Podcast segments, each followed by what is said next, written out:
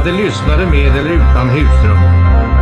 Helt osökt går då tanken till ett överfyllt mottagningsrum på bostadsförmedlingen.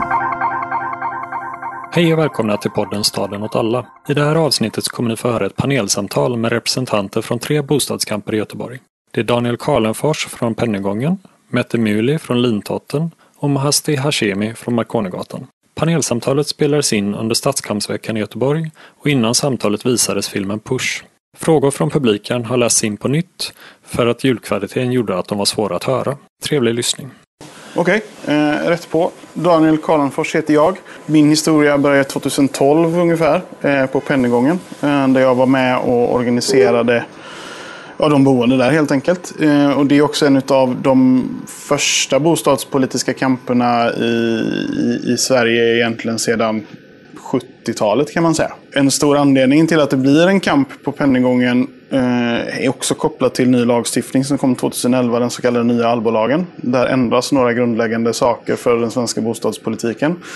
Bland annat att allmännyttan inte längre är hyresnormerande och Ska vi se om jag kommer ihåg det här nu, man har dragit det här så många gånger. Men, men det är framförallt det, vilket öppnar upp just i renoveringsfrågan för fastighetsägare, att inte behöva förhålla sig till allmännyttan. Just det. För de drevs också eh, i teorin åtminstone, det finns en historia där bakom också hur den, hela den här saken har avvecklats. Men i teorin så drevs de eh, till självkostnadspris, vilket betydde att en, renovering, en totalrenovering behövde inte kosta mer än 500 spänn. För man räknade av det på 50 år och så vidare och då fick du ju ner månadskostnaden. Eh, och det behövde de privata fastighetsägarna förhålla sig till. Så de kunde inte heller göra en totalrenovering eh, och få höja mer än 500 spänn för att allmännyttan var normerande. Det försvann då eh, och då öppnades ju upp för det här som vi ser i filmen och det som har blivit allmänt känt i Sverige för renovräkning. Pennygången är väldigt tidigt i den processen. Vi är väl område nummer två eller tre i hela Sverige. Och anledningen till att det blir någon slags organisering där, jag ska också komma in på lite vad det var vi gjorde, är ganska många lyckliga omständigheter också. Tyvärr är det så att eh, där renovräkning är aktuellt idag, kommer bli aktuellt idag, eh, är i områden där människor inte är organiserade. Eh, och, och där det är svårt för dem att göra det utav många olika anledningar. Men jag menar, det, det skadar ju inte då att ha både Håkan Törn och Katarina Törn som bor på Pennygången. Eh, som liksom forskar på gentrifiering. Och att vi uppenbarligen hade ganska många människor som jag själv, eh, som, som, ändå tillhör någon slags akademikerklass, om vi ska prata klass. Så, och som har idéer och tankar om hur man ska kunna organisera sig. Eh, och få den här inputen då från akademin också, från eh, Katarina framförallt, eh, hjälper ju till otroligt mycket och gör det egentligen ganska lätt. Det betyder ju också att det är ganska lätt i någon mening för Pennygången att få ett mycket, mycket större genomslag än vad det är längre fram nu. När vi är framme i 2020 nu så är det mycket, mycket svårare. För fastighetsägarna har dessutom lärt sig hur man gör. Det vill säga man lägger locket på, man säger ingenting. Och helt plötsligt så blir det ju jättesvårt när man är organiserad eh, att få en respons. För det vi ska komma ihåg med hur, hur det här ser ut, alltså det är både ett problem och en öppning. Eh, när Stena Fastigheter i vårt fall börjar med att svara oss när vi skriver debattartiklar och allt det här, det är ju guld. Vi kan ju inte förlora då, på grund av det som också nämns i filmen Push. Eh, det vill säga, vi har det totala moraliska övertaget. Det är ju jädrigt douchigt och eh, tvångsförflytta människor. Så när vi då får respons på det så vinner vi ju hela tiden i media. Eh, vad som också händer då sen att då lär sig Stena till slut att det bästa är att vi bara håller käften. Vad som ofta händer då i de här typen av kamper och organiseringar är att folk har inte längre någonting att, att tjafsa med. Då landar allting tillbaka på de som är organiserade att driva frågan trots att det inte finns någon att driva den mot. För den motparten är ju totalt tyst. Fördelen med det är att om man orkar driva det, och som eh, i Pennygångens fall över tre och ett halvt år och åtminstone 200 olika inslag i media i någon mening. Det vill säga vi hade i princip någonting varje vecka under tre och ett halvt års tid. Och där åtminstone två av de åren var att Stena sa ingenting. Men vi fortsätter att pusha ut. Då äger vi ju hela narrativet för den frågan. Men det är jätte, jättetungt att göra det om man inte är välorganiserad. Och kortfattat då, lite vad vi lyckades med på Pennygången var några saker. För det första så hittade vi den minsta gemensamma nämnaren för alla som bodde på Pennygången. Vilket var alla ska kunna bo kvar. Och när du har en minsta gemensam nämnare på det viset så kan du inte göra saker i processen som, som går emot den minsta gemensamma nämnaren. Det vill säga vi kan inte kompromissa till exempel. Vi kan inte gå in och säga som så här. Ja men, eh, ja, men de flesta kan ju bo kvar nu. För det är väldigt lätt att vi hamnar i den situationen att, att ja, ja men för, och det är också, det här kommer också, vi måste ju vara realistiska. Och realister har jag svårt för.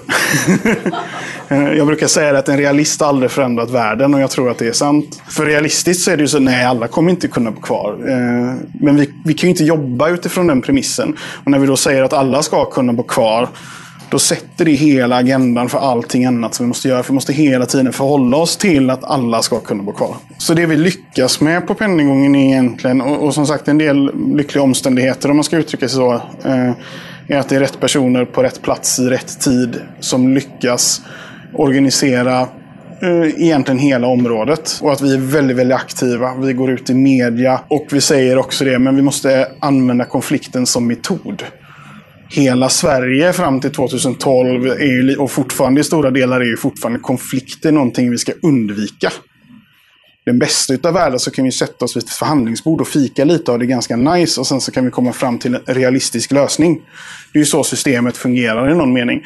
Och vi går ju helt emot det och säger nej, vi har en inbyggd konflikt här och vi tänker lyfta den. Och vi orkade göra det tillräckligt länge. Så jag, det blir lite sådär ibland också vad det gäller penninggången. Att ibland har jag nog glömt mer saker vi har gjort än vad jag kommer ihåg. För det, det, det är liksom allt som har gjorts. Och det är utav väldigt många människor.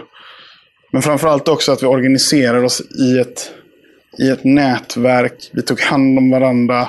Det var gånger när jag brände ut mig. Så jag var tvungen att gå åt sidan. Då fanns det någon annan som kunde ändå upprätthålla Eh, det jag gjorde. De kanske inte gjorde exakt samma saker som jag gjorde, för jag var ju väldigt, väldigt engagerad. Jag lade säkert ner 40 timmar i veckan i stundtals på att göra den här kampen. Och det finns, det är också landat i, jag är väldigt engagerad i, i Hyresgästföreningen nu. Jag jobbar med samrådsprocesser där och sådär. Och det som allting alltid kokar ner till, och det som vi nog tyvärr kommer behöva adressera här efteråt också, är att allting kokar ner till arbetstid. Hur mycket tid är jag beredd att lägga ner? Hur mycket tid kan jag lägga ner för att driva den här frågan? Eh, det är helt avgörande. Det finns inga genvägar här i den här typen av kamp. Utan allting kokar ner till hur mycket tid har jag jag kan lägga på det här.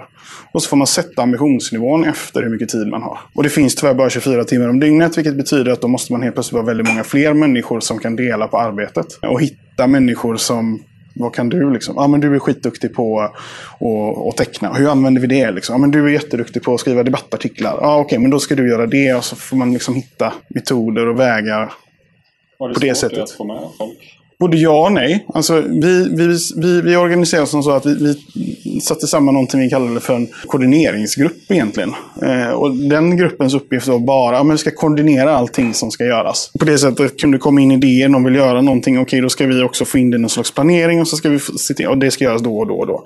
Och den här koordineringsgruppen Eh, växte och krympte i antal. Som minst var det fem personer och som mest var det kanske 25 personer. Och det som jag kommer ihåg tydligt från den här tiden också var ju såklart att media var väldigt nyfiken. Ja, men hur många är i det här nätverket? Och, det, här, och då, det man lär sig ganska fort och, och som är bra att lära sig är hur man då i någon mening manipulerar media. För att, för, sådär. Eh, och vi är ett nätverk, så att vi har ju inga medlemsregister sådär. Tala aldrig om för någon journalist om de frågar hur många är ni? Säg aldrig hur många ni är. Big no-no, för då kommer det alltid komma, ni är bara några få. Men då kunde jag ju säga sådana saker som att eh, ja, det beror lite på vad du menar med att vara organiserad. Det här är ett nätverk. Jag definierar det som att om någon någon gång har gjort någonting i nätverkets namn så är den personen organiserad och då är det minst 500 personer på Pennygången. Helt plötsligt är det väldigt många människor. Och jag, jag kan ändå säga det utan att liksom ljuga eh, i någon mening. För det, det, det är liksom så organiseringen fungerar. Eh, och när vi då äger, som vi gjorde, och det här är också jätteviktigt och detta pratar jag alltid om när jag åker ut och pratar med andra människor om, om, om just hur man driver kampen. Du måste äga den här frågan. Vi hamnade i konflikt lite grann med Hyresgästföreningen till exempel därför att vi ville äga den här frågan. Och, och i nätverket, och, och, som jag fortfarande följer till någon mening, eh, framförallt kontra Hyresgästföreningen, men det är applicerbart på andra delar också, var ju att vi sa så här. Hyresgästföreningen är vår enda allierade.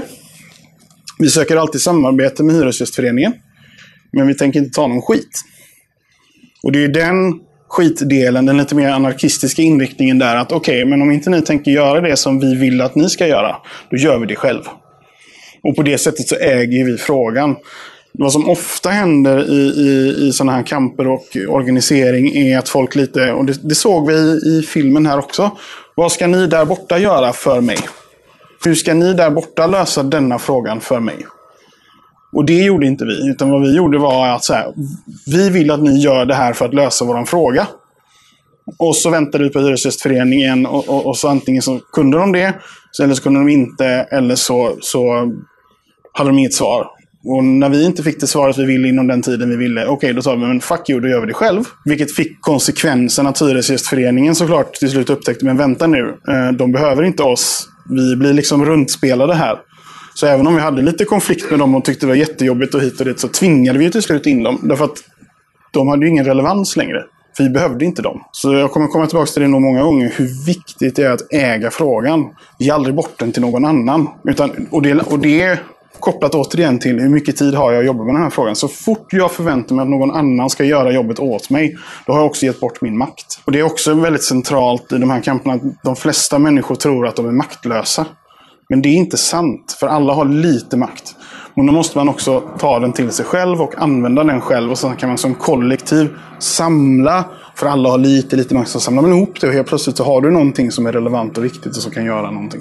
Men folk är borta. Hur gick det? Vad blev utgången?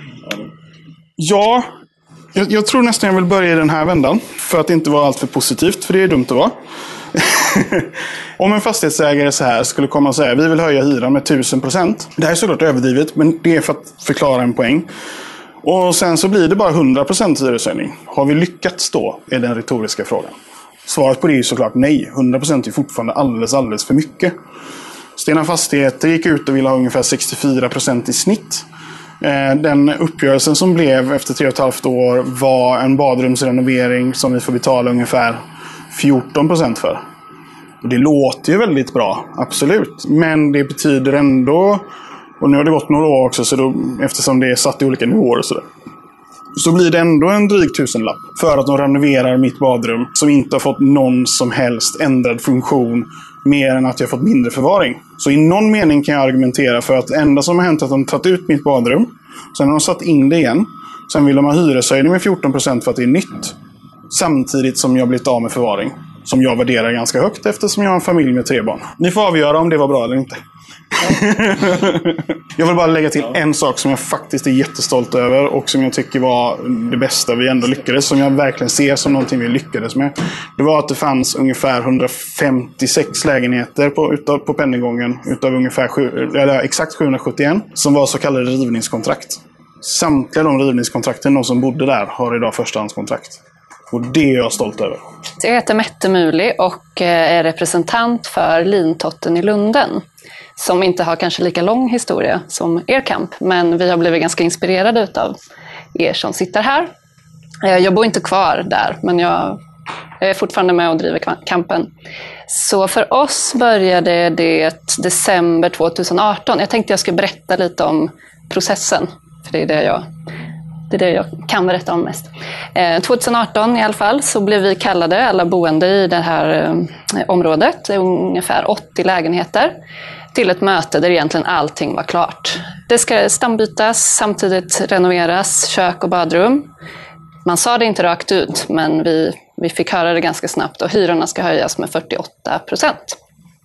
Sen var det inget mer, utan det var bara, det var klart och de visade fina bilder och eh, eh, vilka fina färger vi kunde välja på ungefär. Och sen var det inget mer med det. Eh, vi blev kallade till något slags samråd som egentligen inte var ett samråd, utan hyresvärden då, som är Holger Blomstrand, var tydliga med att eh, här har ni inget att säga till om, utan vi ska informera för er. Så att, ja, det var det.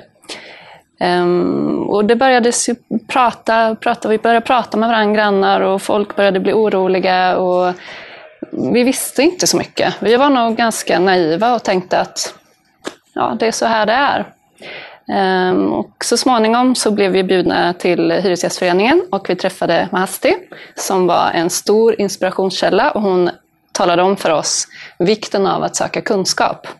Och vikten att ta sig an det här ärendet och verkligen försöka göra någonting, vilket kändes ganska svårt för oss. Jag menar, vi kände inte varandra, folk eh, hade sina liv med stressiga jobb och barn och hit och dit och sådär. Men vi kände ändå att det var viktigt, för vi tyckte precis som ni, alla ska kunna bo kvar. Det var det viktigaste. Och i det här läget, 48 procent, ehm, alla skulle inte kunna bo kvar, helt enkelt.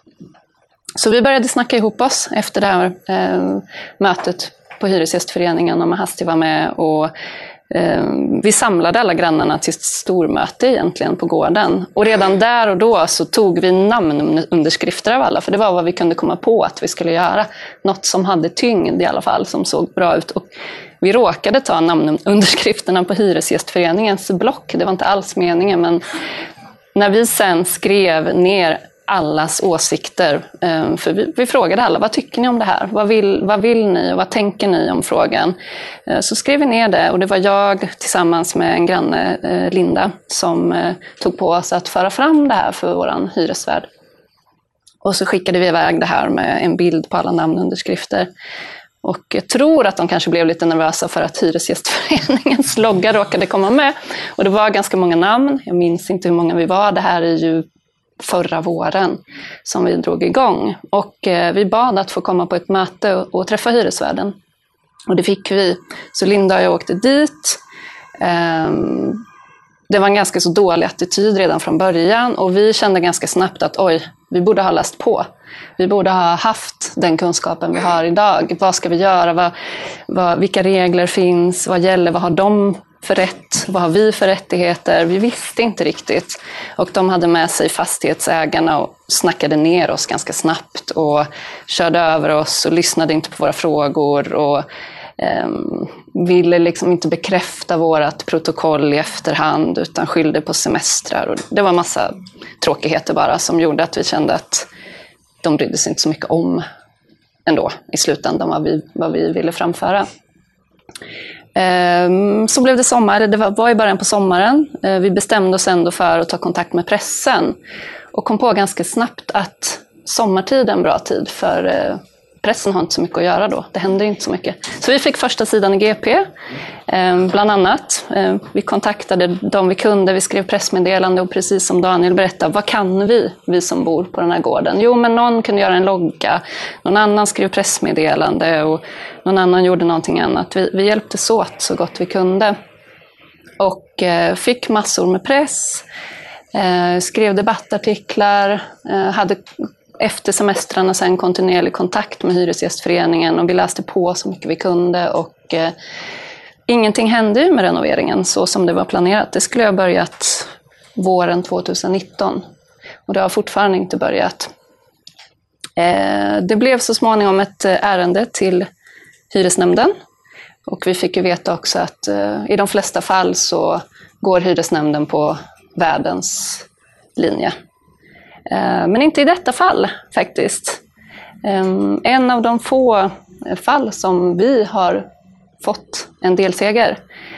Eh, de har inte gått med på allt, men ehm, de kommer att få renovera badrum, eh, men inte kök. De kommer få flytta två skåp i köken, men inte då göra den här fina renoveringen som skulle innebära höjning av hyran och så vidare. Så de, kommer, de har överklagat, men jag, jag vet inte exakt vad som kommer hända. Men allt detta tack vare att vi kämpade så mycket som vi kunde utifrån förmåga. Vi hade ju inte all den här kunskapen, utan vi fick ta oss an frågan allt eftersom vi kunde och hade tid. Eh, nämnden har eh, gått på, delvis då på vår sida och vi väntar fortfarande. Ingenting har hänt än så länge. Så, eh, För det är överklagat?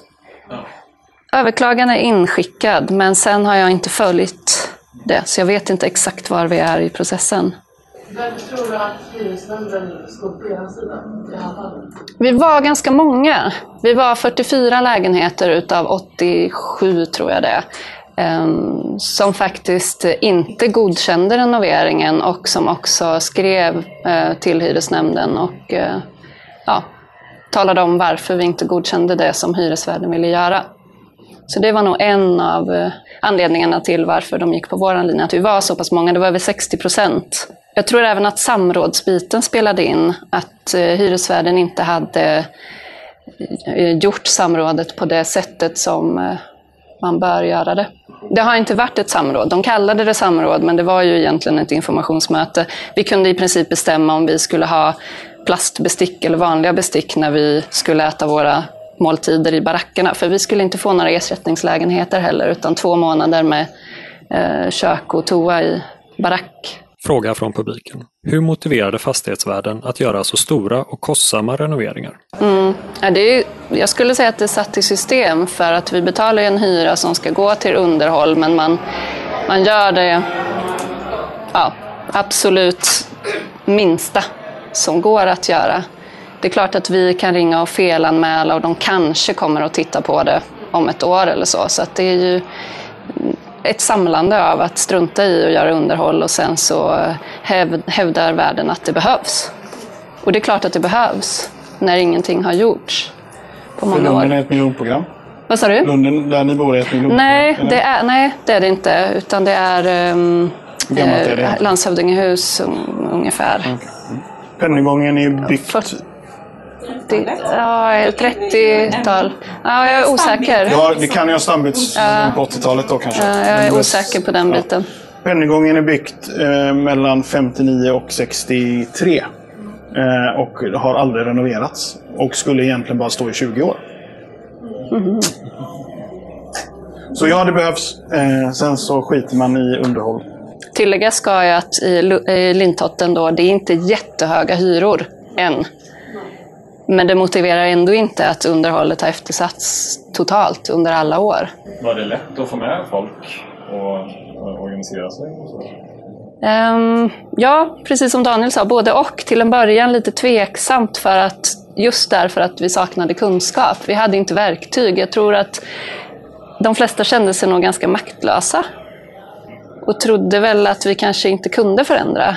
Men sen när det räckte ju med den här första, första sidan i GP så tror jag att många tänkte att jaha, oj då, na, men okej, nu kör vi. Vi, gjorde, vi demonstrerade även och vi ja, skickade ut pressmeddelanden allt eftersom. Och, jag menar den här gruppen, precis som du sa också, hur mycket tid kan vi lägga ner? Och vi har inte lagt ner ens i närheten så mycket tid som ni har gjort. Men det, vi har ju bytts ut också allt eftersom. Ja, nu har inte jag tid, ja, men då går någon annan in. Och så så att det har varit väldigt organiskt vilka som har engagerat sig. Så ni hade en liten grupp som, var, som drev det lite? Ja, det var jag och Linda med hjälp av eh, några och sen så det var alltid någon som ville dela ut lappar i brevlådorna. Vi startade Facebookgrupp. Alla har inte Facebook, så då var det verkligen kopiera upp. Ja, men jag kan kopiera på jobbet. Eh, någon annan springer och delar ut i brevlådorna så att alla skulle få ta del av samma information. Så att där hjälptes ju alla som kunde åt. Och sen spreds det mer och mer och vi började prata med varandra mer och mer. Och nu har vi gym på gården. Eh, folk gymmar tillsammans för att nu känner vi varandra. Så att Så det blev en bra sammanhållning? Ja. förutom kampen så umgås grannarna med varandra på ett annat sätt. Mm. Eh, jag heter Mahasti, jag är hyresgäst, eh, eller hyresrättsinnehavare. Jag är styrelseledamot i Alla ska kunna bo kvar och jag är även eh, styrelseledamot i den ideella föreningen 18 april-kommittén. Jag är inte anställd av Hyresgästföreningen utan att jag är ju en förtroendevald som har blivit engagerad och så småningom blev jag vald som ordförande i lokala Hyresgästföreningen. Och där spelade jag kanske en stor roll för den kampen som jag berättar för er. Men innan dess, när eh, Poseidon, som ett kommunalt bostadsbolag, eh, ville renovera på Nävelsgatan, alltså på den sidan av eh, torg där busshållplatserna ligger. Eh, där eh, var det så att eh, ingen eh, var engagerad i, alltså inte i, det, det bemärkelse som man skulle behöva göra inom samrådsprocessen. Samrådsgruppen blir bara en bollplank och det hände inte så mycket. Det var mycket som lovades och eh, alltså resultatet av det blev då av, 100 hyresgäster som bodde tillsammans med mig var det bara 24 som hade efter renoveringen råd att flytta tillbaka. Det här blev en riktig bakläxa för många. Många av dessa flyttade senare till Markonigatan som ligger bakom Frölunda torg, som kom nästan gråtande till mig och berättade för er varför och sa att oj, men hastigt, vi borde ha stannat kvar och kämpat våra, våra bostäder. Vad ska vi göra om vi blir bostadslösa nu? Nu går vi till, till min... eh, alltså, eh, PowerPoint-presentation. Ni har tittat på det. Alltså det, det hela bottnar även i att varför och när man ändrade bostadspolitiken från och med att bostaden ska alltså, vara till alla och med rimliga kostnad, kostnad Eh, till att eh, alltså, eh, 2002 gjorde Reinfeldt Company, alltså det heter det, mm, målet för bostadspolitiken till det andra, att långsiktigt väl fungerande bostadsmarknad där konsumenterna, konsumenternas efterfrågan möter ett utbud av bostäder som svarar mot behov. Alltså det blir så kommersiella, så, så, så marknadstänkande som man kunde komma från och med att man skulle ju tänka på att bidra till jämlika och värdiga levnadsförhållanden och särskilt främja en god eh, uppväxt för barn och ungdomar. Alltså vid planeringen av eh, byggandet och förvaltning ska en ekologisk, ekonomisk och socialt hållbar utveckling vara grunden för verksamhet. Det var det som gjorde att man eh, alltså, gjorde eh, miljonprogrammet. Allt som skedde innan man ändrade detta och man går till det marknadstänkande systemet som man, vi har idag. Vi vill inte att eh, alltså, de ska sälja våra bostäder. Den 16 eh, maj fick vi ju en inbjudan. I, i, eh, mina grannar på Marconigatan fick inbjudan eh, från eh, Poseidon. Eh, eh, de bjöd hyresgästerna till informationsmöte samma kväll.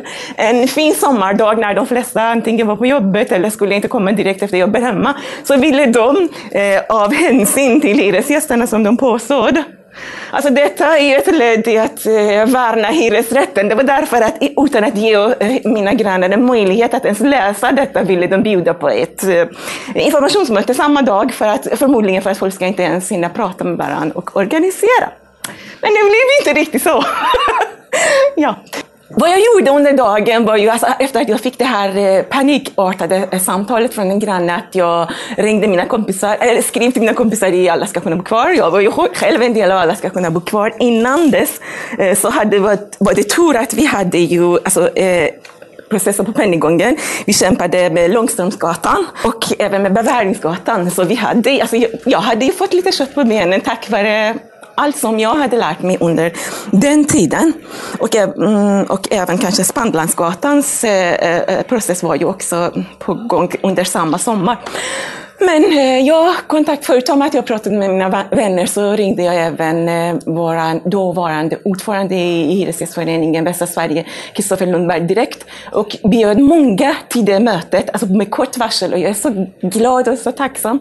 Jag tror Daniel att det var ju typ totalt hundra som ändå kom. Både aktivister eh, och eh, hyresgäster eh, som hade alltså, ringt varandra och hade kommit till det mötet. Vi bombarderade Poseidon och representanter från AB Framtiden och de som, några som satt i Poseidons styrelse alltså, med frågor om vad vi ska ta vägen och varför. Och så försökte de berätta för oss att det här är ett stabilt bolag och det är bara ett byte. Nej, ju en lång lång historia. Men som sagt, det, det, det första tidigaste dagen, eller datumet som eh, Kulturhuset hade ledigt så bokade vi, alltså alla ska kunna bo kvar direkt, ett eh, möte efter detta.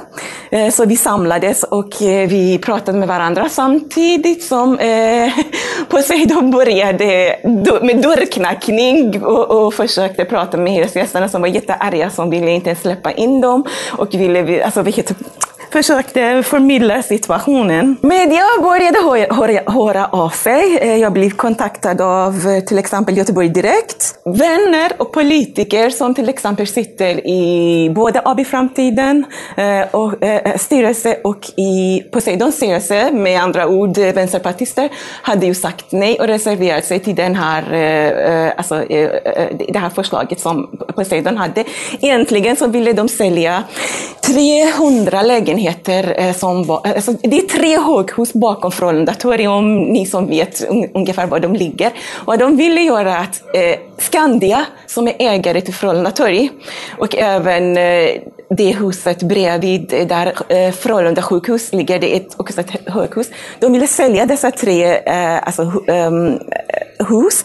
Eh, på varje hus så finns fyra eh, trappuppgångar och totalt är det 100 lägenheter. Allt ifrån tvårummare till eh, femrummare. Eh, med ganska rim, fortfarande rimliga hyror.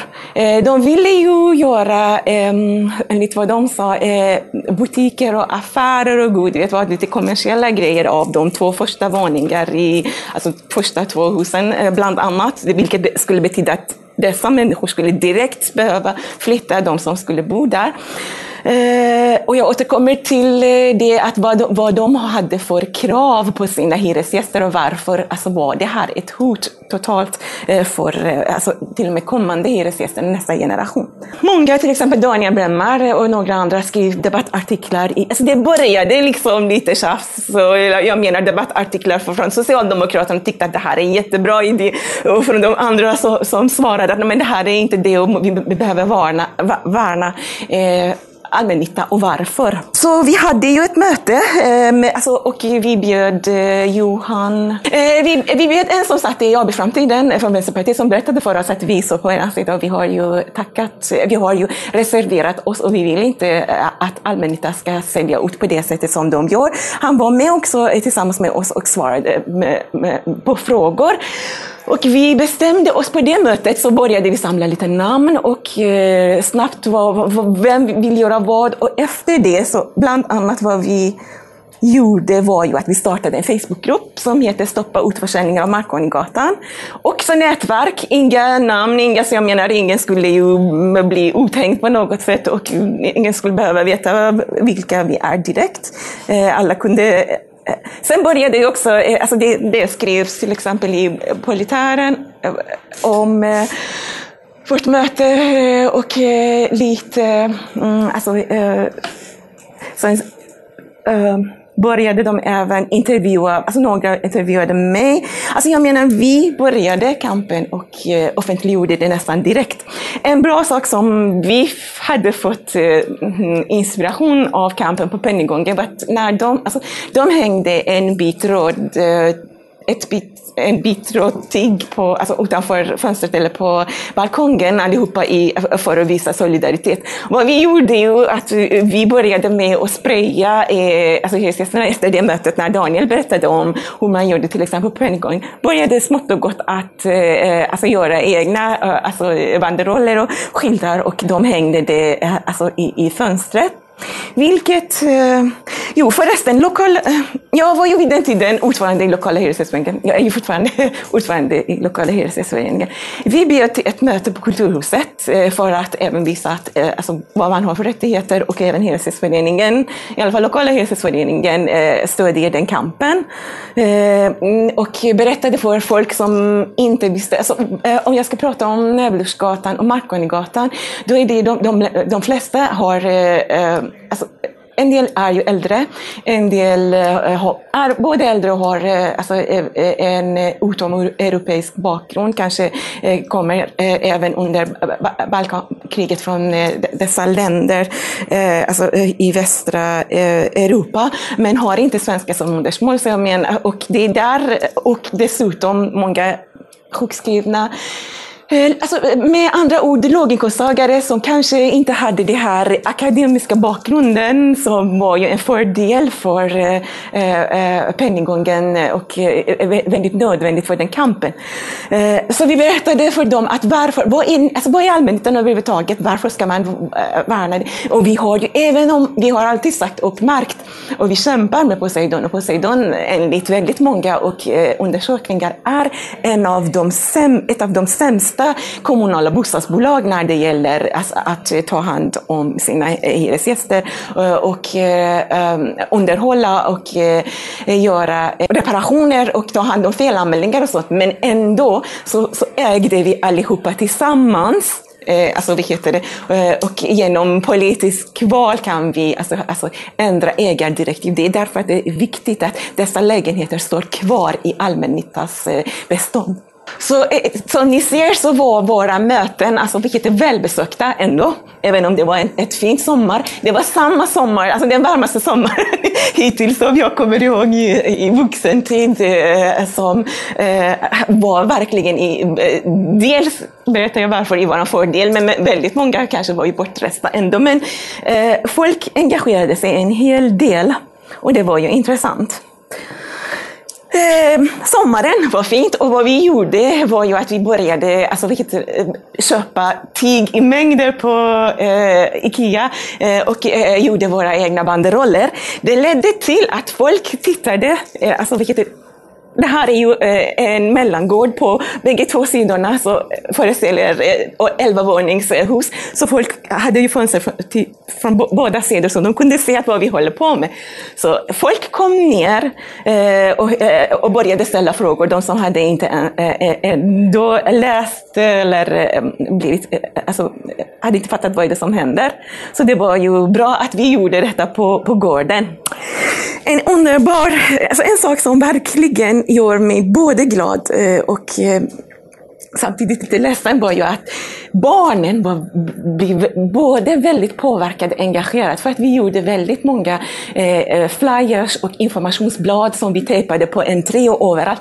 Så de, eh, även om föräldrarna kanske inte kunde läsa svenska i de, vid de första eh, informationsbladen, barnen kunde läsa det. De började ställa frågor. De kom fram eh, och, och, frågade eh, vad var det och hur de kunde hjälpa till. De var så oroliga. Alltså, jag kommer ihåg att när jag Eh, eh alltså brukade komma till eh, vår lokal, alltså lokala hyresgästföreningens lokal låg just på den gården, eh, på, på Markonigatan, inte på Nävlersgatan. Så jag, varje gång som jag kom ner under de dagarna från, från trappan för att gå till, till eh, lokalen för att göra någonting eh, och börja alltså, arbeta, så började alla barn som var på gården började de springa som små fåglar och komma till mig. Men alltså jag började tänka att herregud, de känner mig, de har aldrig träffat mig. Nu lärde de mitt namn, de började prata med mig, de började ställa frågor vad vi kan göra, hur vi kan hjälpa. Och det gjorde de. Det, det roligaste var ju att de gjorde, och det var de som i slutändan när vi hade demonstration tog med sig sina föräldrar till demonstrationen. De tog hand om varandra, det var ju en del eh, barn äh, eh, eh Eh, eh, som hade kommit nyligen till Sverige som kunde inte svenska. Alltså solidaritet bland dessa barn var ju slående. Bytet, kommer ihåg? Alltså de tog hand om varandra. De översatte för de andra, alltså mindre, eller som kunde inte språket, att vad är det som händer, vad är det som Ansi säger, vad är det som Britta säger, vad är det som någon annan säger, vad vi kan göra. De tog hand om varandra. Alltså det var så underbart att se deras eh, engagemang.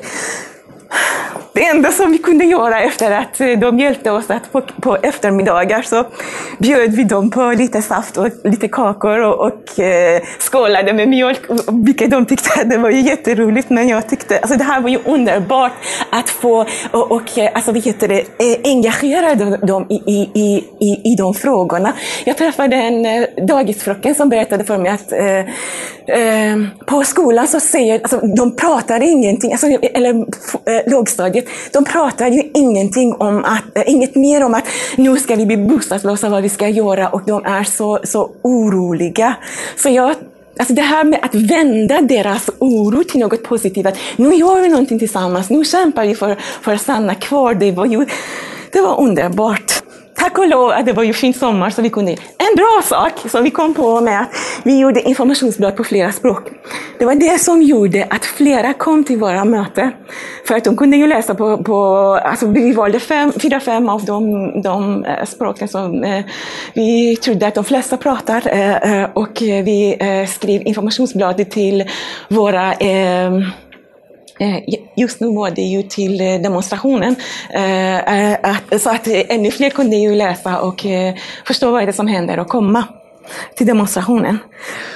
Så husfasaden började bli pryddad av eh, alla dessa eh, banderoller med olika färger. Sälj inte, rör inte mitt bo, rör inte min bostad. Med hjälp av eh, våra vänner i Agera Göteborg, som är också en lokal ideell organisation, så startade vi ett digitalt upprop mot utförsäljningen av allmännytta i skiften och vi, bad, vi spred, spred ut ordet och bad alla att skriva under. Vad vi gjorde med barnen var ju att vi massproducerade, alltså vi köpte massor med flyttkartonger på Ikea. Jag tror att vi tillverkade över 200 eh, alltså skyltar, både med sådana eh, alltså plastskaft som handtag och sådana som man kunde bara ha i handen. Eh, det var väldigt många som, alltså, i olika åldrar som deltog i, äh, även i demonstrationen. Det blev en äh, ganska stor demonstration utanför Poseidons kontor. äh, på Frölunda torg. som media täckte. Även dåvarande regionstyrelse i Region Västra Sverige flyttade sitt möte den dagen till Kulturhuset för att kunna vara med och, alltså, på, på vår demonstration och visa stöd. Vi hade talare, eh, alltså Christian Larsson eh, med väldigt kort varsel eh, talade på vår demonstration. Jag hade haft så mycket annat. Alltså jag, jag och mina närmaste vänner som hjälpte mig. Och inte, till exempel Britta som sitter här, hon bor i Majorna, hon bor inte ens i det, det fastigheten, eller inte ens i, i stadsdelen som jag bor i. Men jag fick en hel del hjälp av mina van, vänner. Eh, den lokala hyresgästföreningen, dels på grund av att man kunde inte, vi hann inte, vi hade bara eh, tio dagar på oss att ordna en eh, demonstration på det sättet som man bestämde sig först utan att tänka på att oj, vem ska göra det hela? Så det, det ledde till att jag till exempel ibland var ut eh, och delade ut flyers i brevlådor eller gjorde något annat till klockan 12-1 på nätterna. Alltså det blev ju väldigt intensiva 12 timmars eh, alltså arbetsdagar flera dagar i rad. Flera gånger var ju Britta där eh, på, på sena nätter som hjälpte, hjälpte med allt som vi behövde göra. Så vi, alltså jag drog i, alltså i alla mina kontakt, eh, alltså, eh, som, alltså, inte bara inom eh, Hyresgästföreningen för att eh, det, saker och grejer brukar inte ske så snabbt. Det måste vara väldigt mycket beslut och möte och det ena och det andra. Och vi hade inte tid med att sitta och gulla med alla som ville bli gullad med, om jag ska vara ärlig. Så vi gjorde väldigt mycket på, på, eh, alltså, eh, med, med eh, det som vi, vi hade tillgång till. Ehm, även om de kallade det, detta eh, för bytesaffär, inte utförsäljning. Det spelade ingen roll om vad de skulle alltså, vad heter det, få i, i eh, byte för de lägenheterna. En påse pengar, puss på kinden eller något, annat. Resultatet av det skulle bli att eh, 300 lägenheter som mina grannar bodde i skulle bli eh, sålda och, bli, alltså, eh, och till en privat fastighetsägare. Det var det som var också mycket störande eh, för oss. Att det, alltså, allmän, alltså, det är det som vi, vi behöver behövde ta, ta och eh, fundera på det. Och innan dess var det ni som kommer ihåg det, även eh, eh, allmännyttiga bostadsbolaget, familjebostäder eller bostadsbolag, kommer jag inte ihåg vilken det var, ville sälja mm, flera hundra lägenheter på Rannebergen och de lyckades inte. Vi började hela sedan dess så, så, så, sa vi hela tiden att idag är det Rannebergen, imorgon kan det vara du. Och det började bli sant. Att, alltså, det var ju Rannebergen, nu är det Marconigatan, vad är nästa steg? Alltså det, det här kommer inte eh, ta, alltså, slut sluta eh, med ett bostadsområde. Det, det försöket kommer göras i och med att Socialdemokraterna hade ju tagit beslut om att de skulle, jag tror att vid den tiden målet var ju att sälja ut 4 000 eh, lägenheter ut allmännyttans bestånd. Eh, de har alltså ändrat siffermålet. Nu, har, nu pratar inte de om hur många, men det här beslutet och det, det här är ju kvar. Och det, det hotet hänger över, alltså över de, de kommunala bostadsbolagen och hyresgäster som bor hos allmännyttan i Göteborg, så tro inte för en enda sekund att det här är ju över. Men det som är viktigt att tänka på att ska vi verkligen låta allmännyttan i Göteborg säljas bit för bit så som det görs? Och allmännyttan ska inte avvecklas. Det är, det, därför att, alltså det är en viktig sak att tänka på. Varför eh, tycker vi att det, alltså det, är viktigt att behålla allmännyttan? Förutom att eh, vi, alltså eh, allmännyttan eh, fortfarande har ganska alltså, eh, rimliga eh, eh, eh, hyror som man har inte än lyckats eh, sockra upp på, på, på något sätt. Skillnaden mellan allmännyttan och de, de privata bolagen är att sedan 2017 genom en lång kamp har man lyckats få alltså allmännyttan att, att släppa kravet för inkomst. Eh, och det här är jätteviktigt. Dessutom så får, eh, eller eh, tre stycken betalningsanmärkningar under tre år är tillåtna. Till skillnad ifrån vad till exempel Skandia, det bolaget som ville köpa eh, alltså, eh, hyreslägenheterna, de accepterade inga betalningsanmärkningar. Hushållen skulle ha ju få en inkomst på fyra gånger mer än alltså, hyran skulle vara. Och det här kravet hade de även för byte. Så jag menar, förutom eh, för nya hyresgäster, om, om någon annan ville byta sig till det området så skulle de fylla den kraven. Sen skulle man ha goda referenser från tidigare hyresvärd, okej. Okay? Och även referenser från nuvarande arbetsgivare. Det, vilket betyder att det är låginkomsttagare, pensionärer, bla bla bla som inga har. Alltså jag menar, de exkluderade väldigt många i, alltså, då, ifrån eh, de hyresgäster som skulle i, eh, i framtiden kunna bo i de allmännyttiga bostadsbolagen, eller de allmännyttiga hyresrätterna. Ehm, ni vet att det, vi har ju bostadsbrist och medelantal eh, dagar som man behöver eh, få en lägenhet. Alltså det här är ju statistik från 2018. Så många dagar behöver man eh, stå i kö för att kunna få en lägenhet, till exempel i Angered, i Askim eller i, i, på Linné. Och nu är det ju säkert alltså, vi heter det, ännu fler dagar som behövs i och med att bostadsbristen och sökande, alltså, bostadsbristen ökar, sökande ökar. En, en sak som är jätteviktigt att tänka på i den kampen att folk har inte råd. Redan en, alltså 50, 15 procent av hushållen redan har så låg disponibel inkomst så att de ligger under skälig eh, levnadskostnad. Och med detta menar vi inte att de kan inte leva lyx. Det betyder att de, de har nästan inga marginaler efter att de har betalt eh, alltså, eh, eh räkningar. De har in, alltså, om tvn går sönder eller om glasögon går sönder så har de inte råd att köpa. 15 procent redan ligger på, på den nivån. Om hyrorna går upp eh, 25 procent, då är det ju var fjärde hushåll som kommer att hamna i riskzon. Det är jätteviktigt. Vid 50 procent hyreshöjning är det var tredje hushåll som kommer att, hamna under eh, skälig levnadskostnad efter att man har betalat hyran. Och eh, de genomsnittliga hyror som man har eh, begärt för eh, ombyggnad och renovering i Göteborg mellan 2013 och 2015 var någonstans mellan 11 och 75 procent. Precis, släppa publiken och gå tillbaka till detta som är kärnan i det hela. Fråga från publiken. Hur kommer det sig att köparen Skandia kräver goda referenser från arbetsgivare till exempel? Alltså, våran partner, alltså, eller motpart var inte Skandia. Våran motpart, alltså, jag menar, i den frågan ville de, de köpa, men det var ju Poseidon som ville sälja.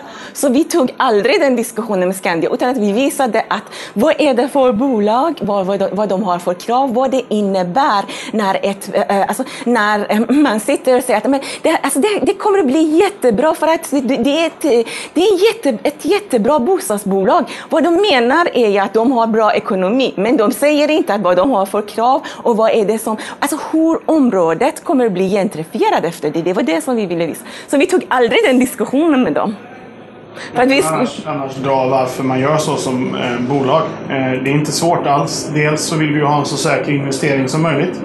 Eh, vi vet också att du får eh, mindre slitage du får mindre kriminalitet när du får in människor med bättre ekonomi. Alltså egentligen klassisk klasspolitik här. Man vill alltså, fly ah, man vill alltså flytta på eh, fattiga problematiska människor. Eh, och det är därför man har den typen av regler. Och det är så kan du göra i eh, privaten. För de eh, behöver inte förhålla sig till eh, någon typ av politisk styrning eller andra typer av åsikter. Så det är därför man gör så. Ehm, och sen så ehm, går man fram och i någon mening och sådär, ja men det är ju rimligt. Och det ser vi i samhället runt omkring oss också. Alltså, människor accepterar ju det här också. Så vi har ett jättestort, menar jag, problem med kunskapsnivåer om hur bostadspolitik fungerar i Sverige. Eh, och jag har sett det om och om igen. Eh, och jag har varit ute och pratat med folk och jag får fortfarande. Men vad hände med renoveringsfonderna? Alltså, tidigare var det ju så att eh, bolagen skulle lägga undan pengar och då hade de skattebefriade fonder för renovering och underhåll och så. De försvann alltså på 90-talet. Och folk tror fortfarande att de finns kvar. Och det säger någonting om nivån allmänt bostadspolitiskt. Eh, och det är en sak vi behöver komma till rätta med också. Fråga från publiken. FNs barnkonvention är numera svensk lag. Hur påverkar det barnhemlösheten i Sverige? I nuläget är 700 barn hemlösa bara i Göteborg. Eh, eh, ingen vet. Eh, för att vi har inte provat den. Den har inte varit lag. Alltså enda sättet vi vet hur lag appliceras är när vi provar den. Så tyvärr så måste vi då komma upp exempel först. Eh, I någon mening. När någon vräks eller liknande. Ett barn blir då klämt och då måste det provas eh, huruvida det ska, vad, vad effekten av det blir. Så det vet vi inte än. Fråga från publiken. Är det lagligt för hyresvärden att informera så kort inpå ett informationsmöte om utförsäljningar, då det innebär att många utesluts från att komma på mötet? Om jag ska vara lite konspiratorisk så säger jag så att det var meningen att folk ska inte hinna eh, eh, alltså samla sig. Jag som ordförande i lokala hyresföreningen kvällen innan hade möte gällande renoveringen av Nävelusgatan med Poseidon.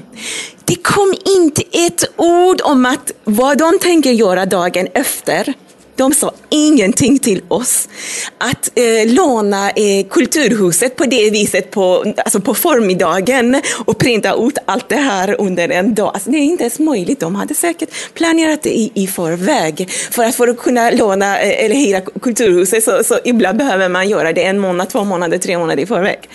Så det här, och jag, när vi, vi ställde frågan och jag kommer ihåg att eh, Arnsmar heter han i, i, för, i efternamn, en socialdemokrat som sitter i Poseidons eh, styrelse eller någon annan utav dem eh, som sitter i eh, AB Framtidens styrelse. De blir så arga på, alltså, ah, vi ställer frågan, tänkte att vi har gjort det här för er skull, för att ni ska få informationen så snabbt som möjligt. Alltså istället för att ta det och, alltså, vilket åt sig och tänka att okay, nej, det här var ju inte bra gjort, alltså, så började de skuldbelägga oss att vi är otacksamma att eh, vad heter det, de har gjort det här för vår skull. Att de har bjudit oss, alltså, de, de, har lagt en lapp på förmiddagen, eller till och med mejlet. De båda lappade och mejlade de som hade MS. På förmiddagen och bjudit på ett möte för vår skull. För det var ju också en fråga där om det är lagligt. Eh, och då är det som så här att väldigt många av de här delarna, precis som på arbetsmarknaden, regleras mellan parterna. Det vill säga, det finns ingen lag som reglerar hur en fastighetsägare får och inte får göra, utan det är någonting som i så fall ska lösas mellan Hyresgästföreningen och fastighetsägaren. Det är alltså en förhandlingsfråga i någon mening. Eh, och eftersom lag fungerar som så att det som inte är olagligt är därmed lagligt, så ja, de får göra så. Eh, sen så är det såklart att Hyresgästförening och andra reagerar på det och menar på att det här är helt ett orimligt sätt att agera på och så vidare. Men då måste man orka lyfta den konflikten. Eh, och fastighetsägare, de beter sig så här. Och ibland, jag har varit med i Almedalen så hade vi ett föredrag eh, med Dominika Polanska. Dit fastighetsägare kom och hon pratade just om härskartekniker som fastighetsägare håller på med. Och då kom det ganska många fastighetsägare faktiskt till det här. Och det var rätt roligt. Och de sitter och är genuint förvånade över att vi anklagar dem för att vara onda. För de förstår inte sitt maktövertag. Om jag ska tolka det snällt så förstår de inte att de sitter i kunskapsövertag, att de sitter i maktövertag, att de sitter i auktoritetsposition. Och sådär. Men, och, och det, det hände mig faktiskt senast idag i en annan sak som jag håller på med. Eh, att, att en person sådär, men jag, jag jobbar inte så, jag håller inte på med makt. För de kopplar det till sig själva som individ. Och absolut, nej, du är nog ingen ond individ. Du är säkert snäll mot dina barn. Du har säkert jättebra vänner. Eh, jag kanske till och med skulle kunna ta en fika med dig utan större problem. Men du representerar en entitet som sitter på otroligt mycket makt i förhållande. Va? Och, och det här är någonting som de här människorna, det, det, det går liksom inte in hos dem. Utan någon anledning. Eh, och sen så finns det då, och man kan tycka vad man vill om det. Jag är nog ändå i någon mening, eh, ni får väl slå mig sen, men förespråkare för den svenska modellen där parterna ändå sitter sig ner och, och, och försöker lösa saker.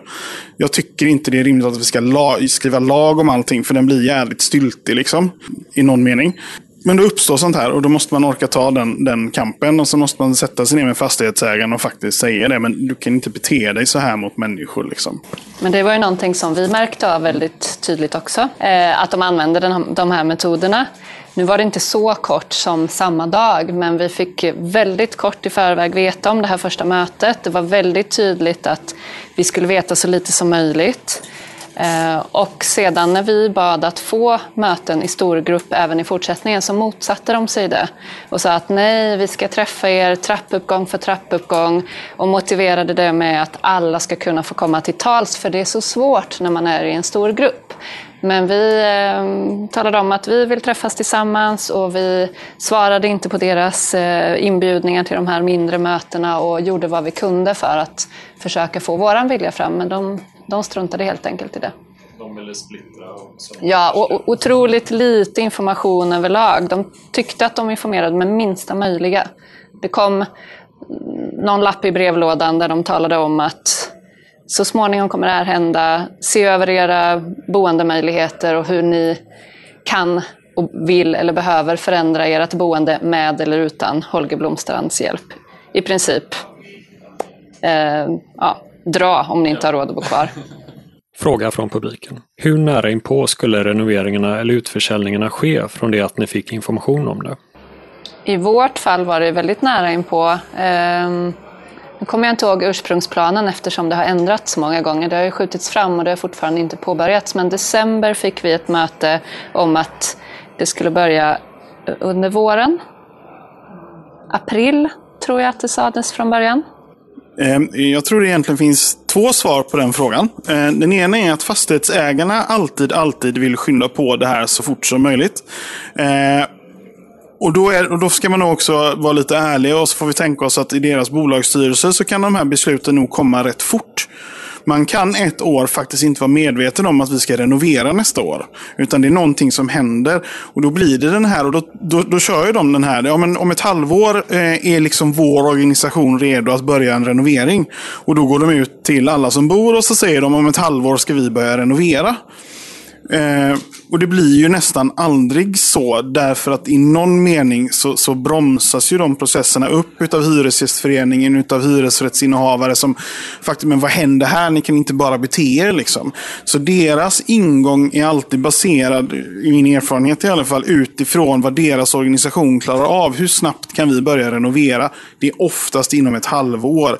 Jag skulle säga att det är väldigt, väldigt ovanligt med att en renoveringsprocess eh, kommer igång tidigare än ett till två år efter att den första initieringen har kommit.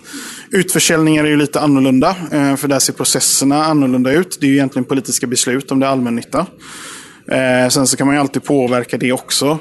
Ja, eh, jag tänkte ta en sista fråga, kanske bara om inte annat fler från publiken sen. Men eh, du, ni har pratat, eller du pratar också lite om hur fastighetsbolagen har lärt sig hur de här camperna funkar nu och hur de ska undvika dem och kunna göra motangrepp eller så. Har ni några tips eller tricks på hur vi ska i framtiden kunna föra den här kampen på ett framgångsrikt sätt? Alltså det är jätteviktigt, så som Daniel påpekade, att äga frågan, börja agera, börja mobilisera. Det var det som, som jag eh, alltså, har lärt mig eh, genom alla dessa år. Och det var det jag gjorde. Och att, offent, att offentliggöra frågan, var inte rädd. Alltså, vad jag gjorde, jag som bodde på Nävdursgatan, eh, när Poseidon renoverade på det sättet, jag var den enda som inte skrev på godkännande. Jag tog det hela vägen till hyresnämnden, fastän att jag, vet att jag, kom, jag visste att jag kommer förlora det. Bara för att bevisa till mina grannar att man blir inte vräkt. Man har rätt att eh, alltså, opponera sig och eh, inte skriva på godkännande. Det, det, det här var ju jätteviktigt. Det var, det, det var ingen som hängde med och alltså, vi var några som, som hade tänkt och, och hade pratat om att inte skriva. Jag, I slutändan var det bara jag. Jag gick helt ensam. Jag fick inte ens hjälp från Hyresgästföreningen. Ingen jurist var med mig. Vid den tiden hade jag, jag var inte jag eh, så eh, vältalig som jag är idag. Jag hade inte den kunskapen som jag hade idag. Eh, jag blev ju så hånad på, på hyresnämnden så jag kommer aldrig glömma det. Jag kom hem och grät. Det var ju första gången på länge som jag grät på det sättet. Men jag tänkte så här, det här ska, alltså jag, om jag någon gång lyckas med att stoppa en enda person att hamna i den sitsen som jag har gjort, så har jag lyckats. Och det sedan dess, alltså, det var typ fem år sedan, sedan dess har jag gjort det. Det är det som är viktigt, ge inte upp. Och det är därför att jag alltid säger, kunskap är makt. Vet man, om jag visste vad jag visste idag, så hade jag ju, eh, alltså vad heter det, eh, eh, kört på ett annat sätt. Då skulle de som satt i hyresnämnden skämmas efter att jag hade kunnat argumentera, men jag kunde inte det då. Men Eh, ja, men det är aldrig för sent. Sen är det så här att man ska ju använda sig av de resurser och verktyg de har. Till exempel det här barnen som var så oroliga och ville göra någonting och, och gjorde det och, och tog med sig sina föräldrar. Se på vad, alltså, vi hade inte akademiker, vi hade inte så många. Lokala hyresgästföreningen, alltså till exempel på grund av att eh, mm, man har sina politiska engagemang hos partier som ville sälja eh, delar av allmännyttan, eh, engagerade sig inte i våra frågor, utan utan eh, det var ju, alltså vi, jag använde alltså, hjälp av mina vänner istället. Så se vad du har runt omkring dig och försök att göra det bästa utav det. Och, eh, en sak som är viktig att tänka på att vi, alltså vi, vi, och, alltså vi bor i ett multikulturellt samhälle, eh, sam, samhälle med folk som pratar olika språk. Tänk, tänk på att eh, eh försöka sprida information på, på flera språk så gott som det går för att få, få flera med Det, det här är en viktig, viktig grej i det hela. Och kolla vad du har för nätverk. Alltså vi, alltså, vi använder sociala medier, vi använder eh, alltså media. Eh, jag har delat ut så många flyers och, alltså, och informationsblad i brevlådor, i, på hissen, you name it, överallt. Alltså, det, det, var inte nöjd med och, och tänk på att man, man, man måste alltså, dela information på olika sätt för att kunna eh, sprida det så, så gott som det går. Det här är ju eh, de tipsen som jag har för er och eh, organisera och mobilisera kunskap. Det här är jätteviktigt. Oj, vad ska man säga? Eh, jag, jag, jag, kan, jag pratar lite utifrån mig själv också tror jag. Eh, och, och någonting jag ändå tror på som jag tror är väldigt, väldigt viktigt. Förändring kommer aldrig uppifrån. Det är inte så att helt plötsligt i riksdagen så kommer det komma någon politiker där och bara sådär, men fan vi reformerar hela hyressättningssystemet så det blir bra. Det är inte så det funkar. Vad som kommer hända någon dag är att någon politiker kommer säga vi reformerar hyressystemet så att det blir bra. Fan vad bra jag är som gjorde det här. Det är ju vad som kommer hända. Men det är inte därifrån det kommer. Det kommer från de här rummen vi sitter i nu. Det är vi som sitter här som gör den förändringen. För att förändringen sker nerifrån och upp. Och sen när, eh, när, när opinionen ser ut sådan att polit, politiken blir tvingad att göra förändring, så sker det förändring. Det är samma sak eh, så, så, som högern jobbar nu. De har gjort, jobbat så här i 30 år drygt. De har haft ett enormt tålamod. Och helt plötsligt så finns det en opinion för att göra den här typen av nedmontering av välfärdsstaten. Och då kan de göra det. Och så sitter de och tittar vad vi har varit duktiga. Nej, det är för att det finns en acceptans för det i de breda lagren nerifrån och upp. Så vill du förändra det här så gäller det att jobba nerifrån och upp. Jobba där du är. Eh, som vi nog varit inne på också. Så är det ju jädrigt mycket kunskap. När jag började, då kunde jag ingenting om bostadspolitik. Men nu har jag haft bostadspolitik som livsstil de närmsta åtta åren. Så det är klart att jag kan liksom, hur mycket som helst. Men man kan lära sig. Men vad, vad det bygger då, och också jag har gjort. Jag har ju då, som jag pratat, jag har multiorganiserat mig. För att dra det lite kort, alla saker jag har gjort i den här frågan. Eh, då, dels engagera mig i Hyresgästföreningen. Jag är djupt insyltad i den nu. Jag sitter i ordförande för två förhandlingsdelegationer, det vill säga Västerstaden som kom upp här. Jag är skyldig till att den förhandlingen strandades, för att jag sitter med där. Jag jag startade en ideell förening som heter Alla ska kunna bo kvar, som Hasti är med i ordförande för den. Det gjorde jag 2015. Den har jag för att kunna göra sånt jag inte kan göra i Hyresgästföreningen. Jag är ideellt engagerad i Hyresgästföreningen. Eh, sitter i styrelsen för Frölundaföreningen, har suttit i den lokala Hyresgästföreningen. Eh, det kan jag nog säga här också. Kandiderar nu till regionsordförande efter Kristoffer. Jag har haft en, och har en bostadspolitisk podcast, Pennypodden. 141 avsnitt. En otroligt bra kunskapskälla för mig, för jag har träffat alla som har med bostadspolitik i Sverige att göra och jag har fått prata med dem. Så det är klart att jag har ett enormt försprång på alla er i det här rummet och, haft tillgång till att göra alla de här sakerna. Eh, och vad jag har efterfrågat länge och som jag tycker börjar se hända, det är att jag vill att ni och då är det också så här, man måste prioritera det här. Det, det handlar alltid om prioriteringar. För det kokar alltid ner till hur mycket tid kan jag rimligen lägga ner. Och folk har liv och sånt där. Och jag fattar det. Och jag brukar säga till folk så här, jag har varit med, för att ta ett sånt exempel. Jag var med uppe i Stockholm i en lokal hyresgästförening där. Och så började jag prata om för de var jättesura på sin fastighetsägare. Och så började jag prata, liksom, ja men gör så här, prova det här, hit och dit och bla bla bla. Och folk sitter och blir, ja fan vad bra, ja vi gör det här. Och sen så bara, mm, och det kostar tid. Och då får jag tillbaka på en gång, men jag har ju barn. Och i det läget, då kan inte jag bli, eller jo, jag blev arg. Eh, men jag kan ju inte säga det till den personen. Och anledningen till att jag blir jag har tre barn. Det har inte hindrat mig liksom. Och det, vad det säger är att det här är en prioriteringsfråga. Eh, och då får jag säga, nej men jag förstår, det är okej. Okay. Du orkar inte. Men då, då, då, det, för det här kokar ner till arbetstid hela tiden. Hur mycket är vi beredda att gå in för att förändra den här frågan till att driva det som vi vill ha? Och då behöver man göra det till exempel genom att gå in i Hyresgästföreningen. Ehm, för att gå in i den demokratiska strukturen och orka driva frågor där för att ändra hur hyresgästföreningen fungerar. Jag har ju jobbat så eh, för att jag driver bostadspolitik i min mening, om jag får tala för mig själv, på ett smart sätt. Alltså jag har ett väldigt långsiktigt mål. Jag vet vart jag vill och jag jobbar efter det. Och jag så hittar alla möjliga vägar jag kan eh, för att uppnå det målet. Vilket såklart då betyder, ja, bostadspolitik är nu min livsstil. Men det, det är ju mitt val. Men det som jag kan ge till alla här. Förändring sker nerifrån. Opinionen måste bli sådan att det blir en annan bostadspolitik. Och då är det vi i det här rummet som behöver göra det. För man kan alltid ställa sig den frågan, men om inte jag gör det, vem ska göra det? Alltså jag kan ju till och med i någon mening, jag har tänkt på det de senaste dagarna, jag tycker inte ens om konflikt. Jag tycker det är skitjobbigt att vara arg på folk. Framförallt tycker jag det blir jättejobbigt och pinsamt i ett rum när jag behöver, som jag sitter i förhandlingar nu, liksom tillrättavisa fastighetsägare för att de beter sig som svin. Det är jättejobbigt, men det är ingen annan som kommer göra det. Jag måste ju då göra det liksom. Och, och det är det, det, det är där det landar liksom. Och jag förväntar mig inte att folk ska göra som jag har gjort och gå man och huse och, och sådär. Liksom. Eh, men det är ändå det som krävs i någon mening eh, i det lilla. Jag kan tillägga att eh, vi då som träffade Mahasti och fick höra om de här långa kamperna kände nog ganska mycket hopplöshet.